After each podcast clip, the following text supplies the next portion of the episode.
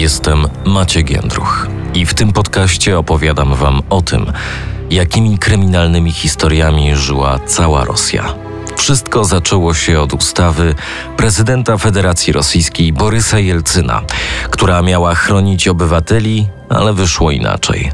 Później władzę na Kremlu przejął Władimir Putin. Właśnie o tej historii i o niejasnych machlojach na szczycie w dzisiejszym odcinku Ruskiej Mafii. Zapraszam. Mafia w RMFFM. Dekret o walce ze zorganizowaną przestępczością. Putin kontra mafia. Sekwencja pierwsza. Bieryzowski.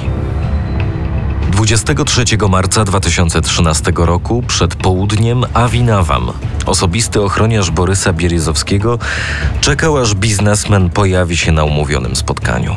Kiedy oligarcha się nie pojawiał, Nawam w końcu wszedł do prywatnych pomieszczeń okazałej willi, którą były oligarcha zajmował od czasu, gdy opuścił Rosję i sprowadził się do brytyjskiego Ascot. Jak przeczytałem w materiałach dotyczących zabójstwa Bieryzowskiego, ochroniarz zeznał, że zajrzał do sypialni, zauważył tam drzwi do łazienki, które były zamknięte. Szarpnął za klamkę i nawoływał, ale wewnątrz panowała cisza. Jak dodał, niewiele myśląc, kopnął w zamek i wpadł do środka. Borys Bieryzowski leżał na posadzce. Nie ruszał się, a na szyi miał pętlę z rozerwanego szala. Drugi koniec zwisał spod sufitu. To miał być ostatni i udany zamach na rosyjskiego oligarchę Borysa Bieryzowskiego był skłócony z prezydentem Władimirem Putinem. Od 2001 roku przebywał na emigracji w Londynie. W 2003, bez ogłoszenia przyczyn, zmienił za zgodą Ministerstwa Spraw Zagranicznych Wielkiej Brytanii dane osobowe na Platon Jelenin. Bieryzowski był zaliczany do tzw. Tak rodziny kremlowskiej jako bliski współpracownik prezydenta Borysa Jelcyna. Finansował jego kampanię wyborczą. Oligarcha w pierwszej połowie lat 90 XX wieku w krótkim czasie zgromadził olbrzymią osobistą fortunę. Należał też do tak zwanego gangu siedmiu, Simi Bankirshiny, o której też już mówiłem w ruskiej mafii. Już wtedy, w pierwszej połowie lat 90., został zorganizowany zamach na Borysa Bieryzowskiego. W archiwalnym materiale gazety Kamiersant z 9 czerwca 1994 roku przeczytałem, że dwa dni wcześniej, 7 czerwca, około godziny 17, w pobliżu domu z numerem 40 przy ulicy Nowokuźnieckiej w centrum Moskwy, gdzie znajdowała się siedziba Logowaz, jednego z pierwszych biznesów Bieryzowskiego, oligarcha siedział w samochodzie. Znany mechanizm gangsterów dokonujących zamachy nastąpił wybuch. W wyniku eksplozji zginął kierowca Borysa Bieryzowskiego, Michał Kirjanow, ale sam oligarcha i jadący z nim ochroniarz zostali jedynie ranieni. Rannych zostało także ośmiu przechodniów. Według śledczych organizatorem zbrodni był znany moskiewski gangster, przywódca grupy przestępczej Ariechowska, Siergiej Timofiejew, nazywany Sylwestrem. O jego historii opowiadałem już w ruskiej mafii. Motyw Olga Żłobińska, partnerka Timofiejewa, kierowała moskiewskim bankiem handlowym. W 1994 roku bardzo dużo pieniędzy umieściła w nim organizacja kierowana przez Borysa Bieryzowskiego. Natomiast placówka kierowana przez Żłobińską niechętnie chciała się z tymi pieniędzmi rozstać. I tak oligarcha i dyrektorka banku popadli w konflikt. Niewiele osób zaznajomionych z sytuacją wokół moskiewskiego banku handlowego miało wątpliwości, kto był zleceniodawcą tego zamachu. Zamach na Borysa Bieryzowskiego wywołał poruszenie w rosyjskich mediach i nie tylko. Zaraz po tym wydarzeniu prezydent Rosji Borys Jelcyn mówił o kryminalnym bezprawiu w Rosji. Sekwencja druga. Od Jelcyna do Putina. Po zamachu na Bieryzowskiego, który był bardzo związany z Jelcynem i Kremlem, prezydent Rosji postanowił wprowadzić dekret w sprawie walki z bandytyzmem i zorganizowaną przestępczością. Nie obyło się bez echa, nawet w dumie państwowej. W 1994 roku pisały o tym nawet polskie media, m.in. Gazeta Wyborcza. Duma wyraziła zaniepokojenie dekretem. Krytycy Jelcyna byli zdania, że ukaz ten w praktyce wprowadza w Rosji elementy stanu wyjątkowego. Dokument wydany przez Jelcyna pozwalał na przykład zatrzymywać na 30 dni w areszcie bez sankcji prokuratora osoby, co do których władze dysponują wystarczającymi danymi wskazującymi na ich związki ze światem przestępczym. To nie wszystko. Dekret pozwalał na kontrolę stanu majątkowego i działalności gospodarczej takich osób, a nawet ich bliskich. To tylko niektóre z kontrowersyjnych punktów dekretu. Wątpliwości co do legalności tego aktu prawnego miała nawet prezydencka frakcja Wybór Rosji, kierowana przez Jegora Gajdara. To właśnie z jej inicjatywy Duma postanowiła szczegółowo przeanalizować, czy dekret jest zgodny z konstytucją i innymi ustawami. Jeden z deputowanych dopatrzył się w tym dokumencie przepisów naruszających prawa człowieka. Podnosząc rękawicę rzuconą przez Jelcyna, który swoim dekretem wkroczył w kompetencje parlamentu, poniekąd w ramach zemsty deputowani wezwali wówczas na dywanik jego bliskich współpracowników, ministrów spraw zagranicznych i obrony, Andrzeja Kozyriewa i Graczowa. W polskich mediach z Moskwy pisał właśnie o tym wydarzeniu Jerzy Malczyk. Kozyriew, jak przeczytałem, miał przedstawić stanowisko swojego resortu w sprawie sporu z Koreą Północną i sytuacji na Krymie, a Graczow w sprawie wprowadzenia wojsk rosyjskich do strefy konfliktu gruzińsko-abchaskiego. Teoretycznie Jelcyn nie miał prawa podejmowania takiej decyzji bez przyzwolenia Rady Federacji, a Rada nie zgodziła się na wysłanie rosyjskich wojsk na linię frontu w Abchazji. Jednocześnie Duma postanowiła ograniczyć szerokie uprawnienia, jakie prezydentowi daje nowa konstytucja. Deputowani zamierzali znowelizować ustawę zasadniczą w ten sposób, by móc wpływać na skład rządu, a nie tylko na obsadę stanowiska premiera. Tym samym Duma dała do zrozumienia, co myśli o Graczowi i Kozyriewie. Nie ulega wątpliwości, że być może właśnie wtedy zaczęły się poważne polityczne kłopoty Jelcyna. Dlatego też szukał pomocy u oligarchów, konkretnie i przede wszystkim u Bieryzowskiego, by wygrać kolejne wybory. Pomimo, że mu się to udało, już powoli nadchodził czas Putina.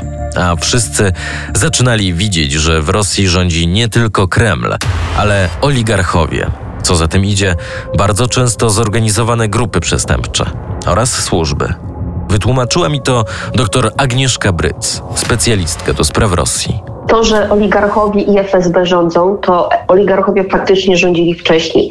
Dzisiaj, czyli po przejęciu władzy przez Władimira Putina, Rosja stała się państwem rządzonym przede wszystkim przez um, służby, a pełnię władzy skoncentrował w jednych rękach prezydent Putin, człowiek służb.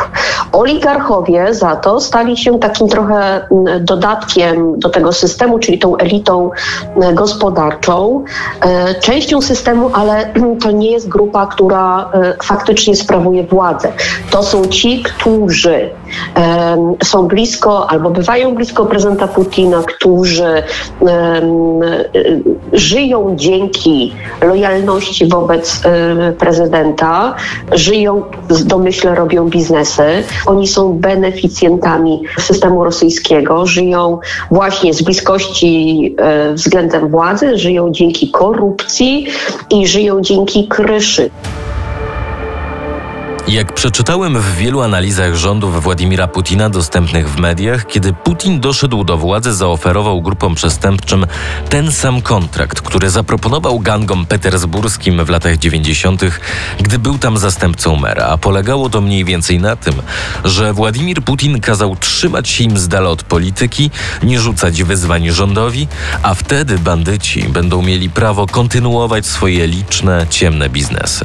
I rzeczywiście, pisze o tym także Catherine Belton w swojej książce Ludzie Putina, jak KGB odzyskało Rosję i zwróciło się przeciwko Zachodowi.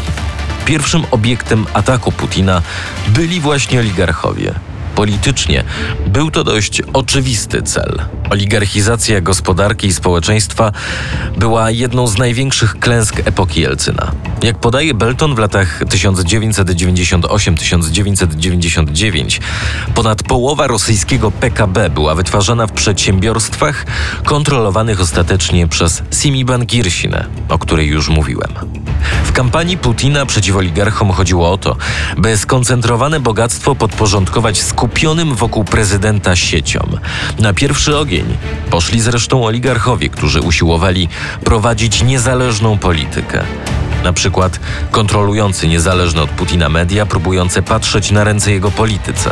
Niemal od początku sprawowania przez Putina władzy dochodziło do morderstw i zabójstw. Poza tym, nawet dzisiaj rosjoznawcy mówią o rządzeniu Rosją przez służby.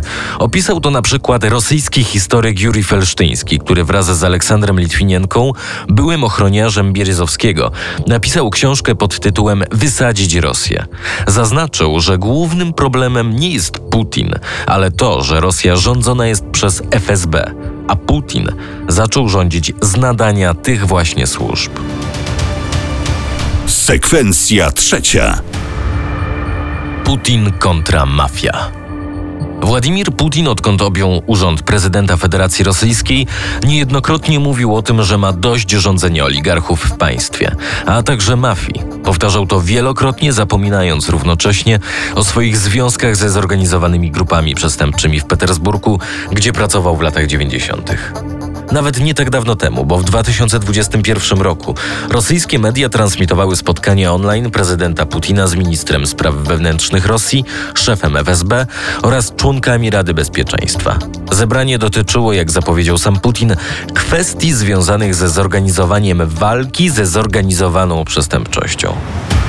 Artykuły, które pojawiły się na rosyjskich portalach informacyjnych po tym spotkaniu, opisywały jego przebieg. Polegało, jak przeczytałem w materiałach, na przekazaniu przez członków Rady danych, jak dotychczasowo radziły sobie służby z walką z mafią.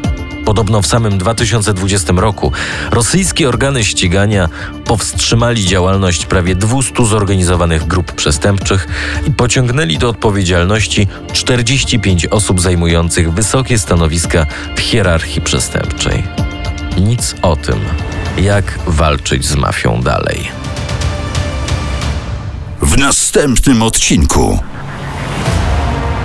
Juri Stupinkow, prezes profesjonalnej ligi kickboxingu Kitek, którą założył w 1991 roku, został zamordowany trzy lata później.